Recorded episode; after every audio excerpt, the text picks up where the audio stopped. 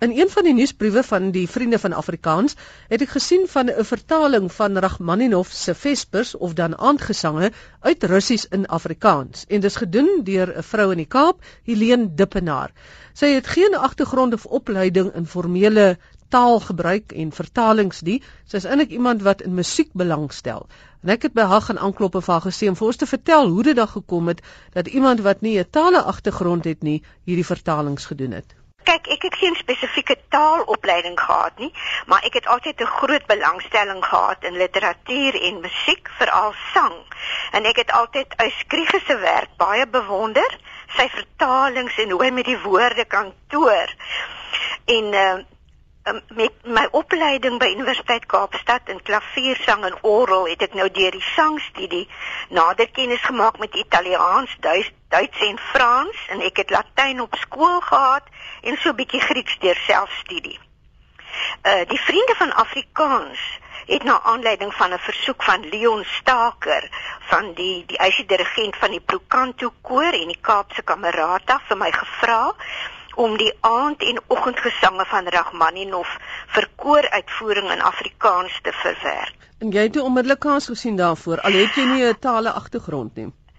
Uh kyk ek ek is al vir 5 dekades besig om om vertalings te doen vir kore.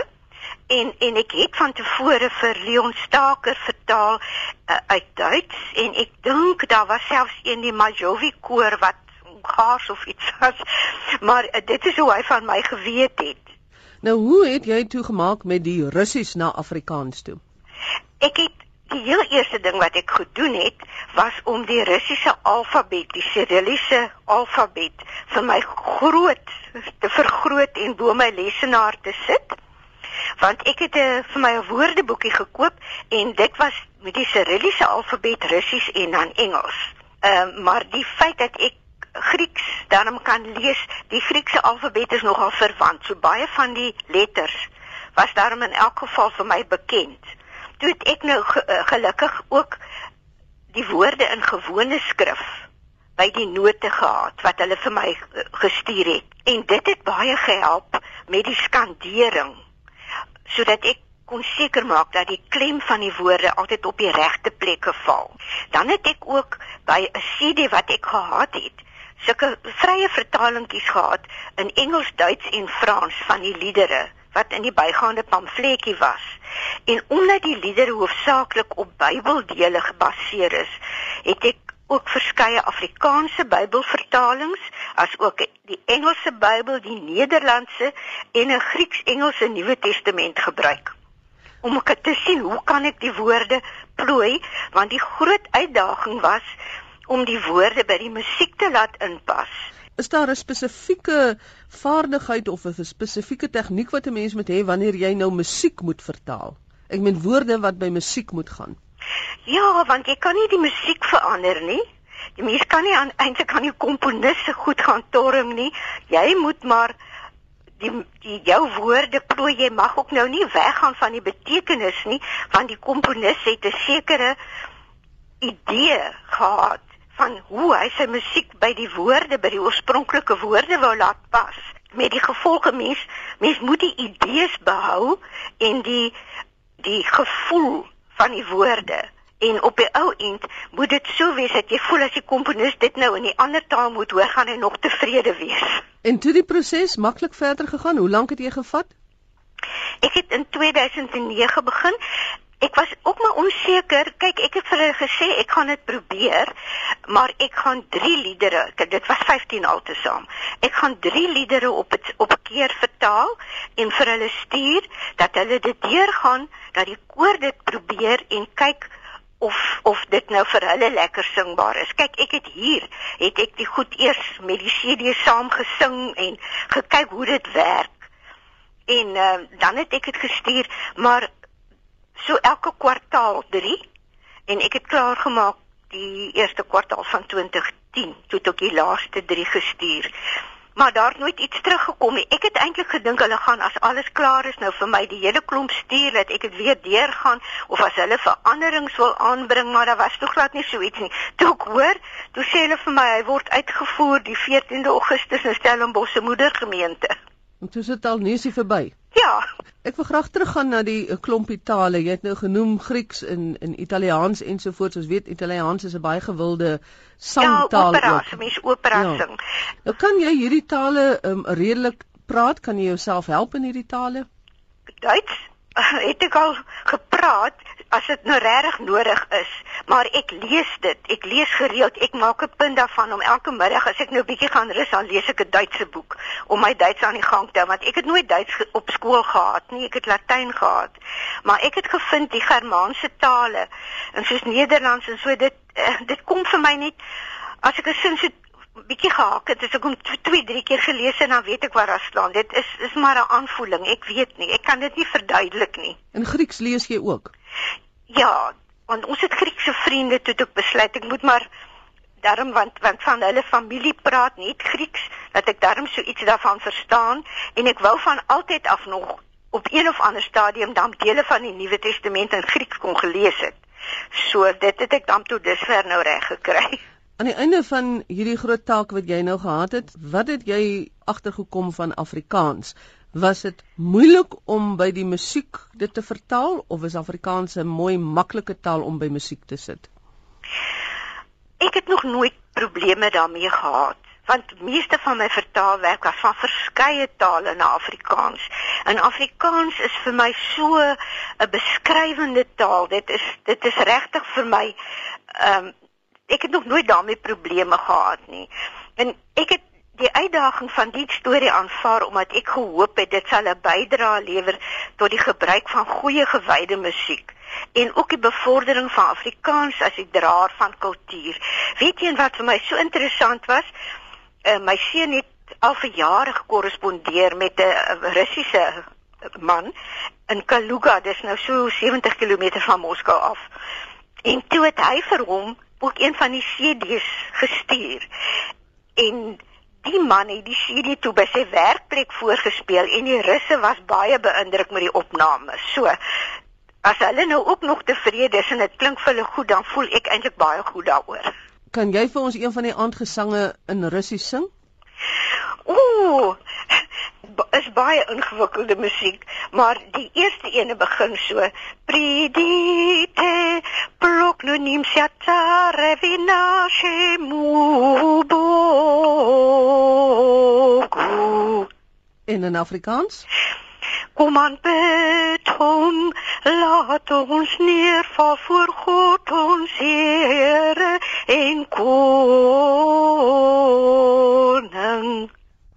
Ayo, lus is ek nou sommer om hierdie oorgang na die volgende bydra ook te sing, maar ek sal nie vir Helene Dippenaar in die skadu stel nie. Baie dankie Helene wat vir ons vertel het van die vertalings wat sy gedoen het van Rachmaninov se aangesange, sy het van Russies na Afrikaans vertaal. Daar bly maar nog altyd baie keer 'n struweling oor die gebruik van woorde so snelweg en hoofweg en dan veral oor of 'n mens van 'n baan of 'n laan praat wanneer jy nou van 'n pad praat. En dan is daar nog alley en avenue ook by en hoe word hulle in Afrikaans vertaal? Ek het weer gaan kers opsteek by professor Ernst Kotse en hy is die persoon wat vir ons gaan probeer verduidelik. En ons begin by die verskil tussen laan en laning.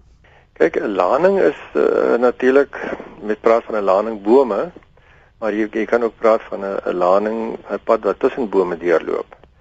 So dit is meer dit is nie iets wat jy uh, normaalweg in 'n stedelike konteks kry nie, dit is meer in die platlandse konteks, in onbeboude gebiede. Maar laan het meer as een toepassing.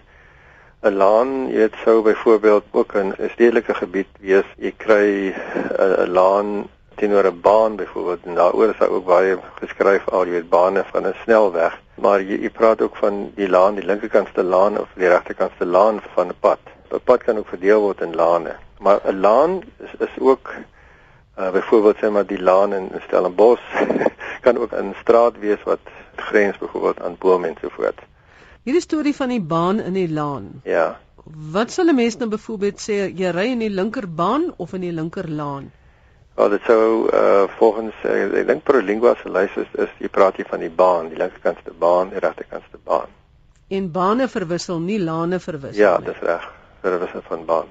Kom ons kyk dan na die Engels ook daarvan want daar's ook probleme met hoe vertaal 'n mens wat en daar kan ook ja. verwarring inkom. Lyn word byvoorbeeld in Engels so gebruik maar in Afrikaans vertaal as steeg. Verduidelik vir ons hoekom en is daar ander sulke voorbeelde? Omdat dit nou weet meer duidelik is die woord lyn in Engels sal jy deur die konteks vir jou moet laat lei, jy weet of daar sprake is van 'n laan of 'n baan of 'n steeg, uh, jy weet of 'n deurloop, byvoorbeeld 'n lyn, dit dit kan 'n klein dingetjie wees of dit kan selfs in die waterkonteks gebruik word om 'n vaarweg mee te beskryf. Dit die vaarweg van 'n boot byvoorbeeld, weet in die hawe aan die linkerkant of die inkomende of uitgaande vaarweg in Engels lyn. 'n uh, Laan is ook byvoorbeeld 'n avenue. Ek dink dit word in Prolingua en die die Wien Airlines ook gebruik. Maar dit hang af avenue in Engels kan ook 'n groot ding wees, jy weet soos 'n boulevard of 'n laan uh, in geboude omgewings. Dan is daar ook 'n woord alley wat ek altyd gedink het 'n steeg is, maar ek sien die Afrikaans wat hulle gee is allee. Ja, ek ek dink daarom nie dit is jy weet in Afrikaans baie algemeen gebruiklik. Allee is ook 'n Duitse woord vir meer eintlik vir 'n boulevard dit word in Afrikaans as 'n steegtog vertaal. Mens jy weet jy kry die, die jy ken tog die woord alley cat, né, nee, wat 'n lekker straatkat is. Ja. nie alley cat nie. Kry mens 'n alley vrou ook. Vermoedelik wel. maar in elk geval 'n mens sou jy weet kon onderskei tussen alley en lane uh, vir vertalings van straatname. Den Bruggekaarte die Nederlandse um, woordeboek Eh, beskrywe al uh, allee as 'n avenue ook in, in Engels dis nie 'n alley nie ek dink beslis nie 'n alley nie Ja ander probleem is natuurlik nou wanneer jy by paaie kom soos 'n deurpad, 'n dubbelpad, 'n hoofpad, hoofweg. Hoe gebruik wat is 'n boulevard byvoorbeeld? Kyk, 'n boulevard sou waarskynlik ja in die geval van soos ons dit hier by ons kry in in die Kaap is daar byvoorbeeld ook boulevard en en, en hy word meestal vertaal met avenue Dit is 'n 'n breë pad, 'n dubbelpad eh, eerder as 'n enkel pad, is 'n boulevard. Miskien sou mens daarvoor die uh, Afrikaanse pad, groot pad kon gebruik of 'n hoofweg in Engels ook highway natuurlik. Sou mens kon sê boulevard. Ja, ja, boulevard van die Frans. is 'n 'n uh, leenwoord wat tamelik redelik in Afrikaans aanvaar word. En dan die ander is die snelweg, hoofweg en 'n deurpad. Wat is die verskil tussen daai drie? 'n snelweg. Kom ons begin ja. daarmee. Kyk, ehm um, Engels sou gebruik hulle daarvoor, ek dink freeway, weet vir 'n snelweg. Dis 'n pad wat rondom 'n stad loop. Die spesifieke definisies daarvan wissel ook. Ek sien dit is nie verskillende woordeboeke word dit nie altyd identies definieer nie. Maar goed, ehm um, snelweg sou wees 'n pad wat naby 'n stad geleë is wat jy weet rondom die stad verbyloop. Met ander woorde, jy weet dis jy hoef nie af te draai of deur stopstrate te ry en so voort. Die hoof uh, hoofweg sou ek sê is 'n pad wat deur 'n beboude gebied loop, maar wat nie uh, jy weet 'n snelweg is met ander woorde sonder enige onderbreking vir robotte en dis meer nie. Deurpad ja, dit dit dink ek is dan weer 'n pad wat byvoorbeeld stede of met mekaar verbind is, weet op 'n deurpad na so en so. Ek dink dit is dit gaan ook afhang uh, in watter konteks jy spesifiek na jy weet na die entiteit verwys. 'n Ander ene wat my uh, ek sal nou nie sê puzzle nie, kom ons sê wat my verstand laat duisel is arterial. Wat beteken dit? Ek weet in die Kaap dan naby die lughawe kry jy altyd Stellenbosch arterial. Ja, ek meen dit is hy word eintlik baie selde in Afrikaans nou vertaal omdat dit eintlik as jy dit direk gaan vertaal verwys na jy weet 'n slagaar Dan hoor jy weet ek dink dit is uh, dit sou waarskynlik 'n deurpad wees in hierdie geval, juis omdat hy 'n uh, verbinding is tussen Stellenbosch en uh, noord noordelike voorstede van die Kaap. Dan hoor jy weet jy dink hier in in terme van uh, iets wat deurvoer, uh, jy weet soos 'n Engelse arterial vein byvoorbeeld beskrywe en daarom het weet sou dit goed wees dink ek om miskien deurpad met daar te gebruik. Ek hoop jy hou jou rigting in die toekoms. Baie dankie professor Ernst Kotse vir hierdie verduideliking. En nou is dit tyd vir ons taalspelletjie saam met Gerard van Huisteen en sy gas.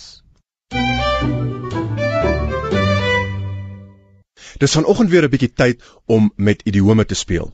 So ek sê die idioom en ek laat 'n woord weg wat ek vervang met idioom en jy moet dan sê wat die regte woord is en vir 'n nog 'n punt wat dit beteken. So, ons val weg met die eerste ene. Ek voel vandag weer pure idioom. Ek voel pure idioom. Die tweede ene. Blaf saam met die honde en huil saam met die idioom. blaf saam met die honde en huil saam met die idioom. En dan kan jy 'n idioom in die armbeurs gooi. 'n Idioom in die armbeurs gooi. Die vierde ene, so waar as padda idioom dra. So waar as padda idioom dra. En dan die laaste twee is dalk die twee moeiliker is. So sout soos idioom, so sout soos idioom en jou idioom hou by iemand. Jou idioom hou by iemand. Nou wie beter om ons te help met idiome as Dr Anton Prinsloo wat al vele boeke geskryf het oor Afrikaanse idiome en uh, wat 'n oud voorsitter is van die Taalkommissie om ons hiermee te help. Goeiemôre Anton. Môre Gerard. Die eerste een is maklik. Ons voel weer pure idioom. Perd, vermoed ek. Pure perd. Ja. En ons kry 'n klompie ander idiome ook wat met perd te doen het en wat wat 'n positiewe konnotasie het, né?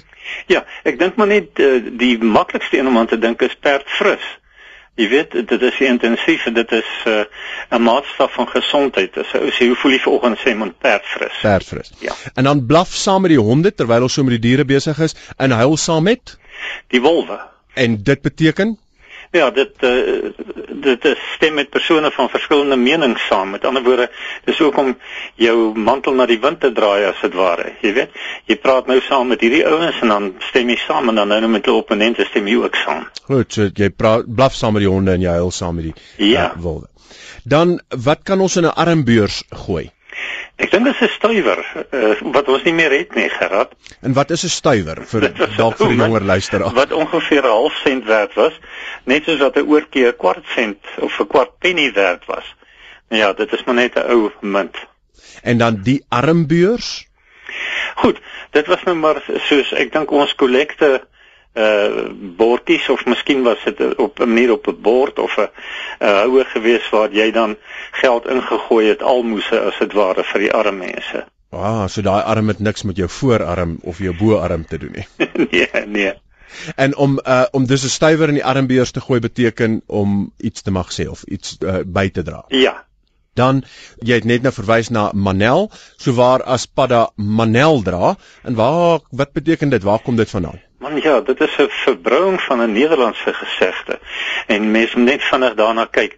Die ouderlinge van die kerk in Nederland het manelle gedra. En hulle het bekend gestaan as die kerkvorste.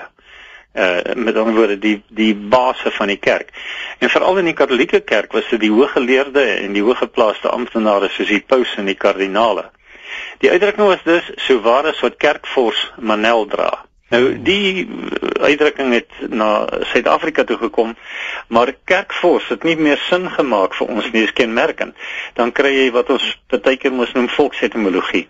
Die naaste ding aan 'n kerkvors vir die ouens in Suid-Afrika wat gekom het en toe besluit is 'n kikvors. Nou weet ons almal 'n kikvors is 'n padda. Toe word dit so waar as wat kikvors manel dra, nie meer kerkvors nie. Ja. En die woord kikvors dink ek het ook al uitgesterf en dit is 'n woord vir 'n padda. En daar het die volgende oordrag geskied met ander woorde toe word so waar is wat padda manel, dra. Ek sien daar is uitdrukking in die in die Woordeboek van die Afrikaanse taal so waar is wat kerkvors padda is wat duidelik wys dat die kerkvors met die kikvors gemeng het. vir vir vervang is. Ja. Baie interessant. Dan ons laaste twee so sout soos Brem. brem. Ja, ook 'n baie onbekende een, ander baie sout. Dit is dieselfde soort intensief soos rooi soos bloed. Brem is 'n pekelsout. En ons weet almal dat pekel is verskriklik sout. Ek dink ouens vandag nog as jy dit kan bekostig, sit jy biltong daarin. In Nederland sit dit ook die sinoniem brein. En dit stem ooreen met die Engelse brain. Dan word dit baie sout. Goed. En dan enetjie bietjie uit ons streekstaal uit jou idioom hou by iemand. Ja, jou laaitjiebeen hou by 'n meisie. Uh dit is veral by 'n meisie en dat is nou by 'n meisie aan te lê. Uh selfs ook om jou aangenaam voor te doen. En dit wil dink ons 'n beeld skep van 'n vryer wat soos 'n lat voor die nooi buig en hom beleefd voordoen. Uh, uit Kaapse Afrikaans en uh, sover as ons weet dit ontstaan in die taal van die bruin mense. Goed, so jy kan sê moenie jou so laaitjie been hou by haar nie. ja, Anton vreeslik dankie, dit was baie interessant. Ek praat graag 'n volgende keer verder met jou. goed geraad. As jy enige vrae of voorstelle vir die program het of enige interessante idiome het wat jy uh, raakloop, stuur dit gerus vir my by taalvraag by rsg.co.za.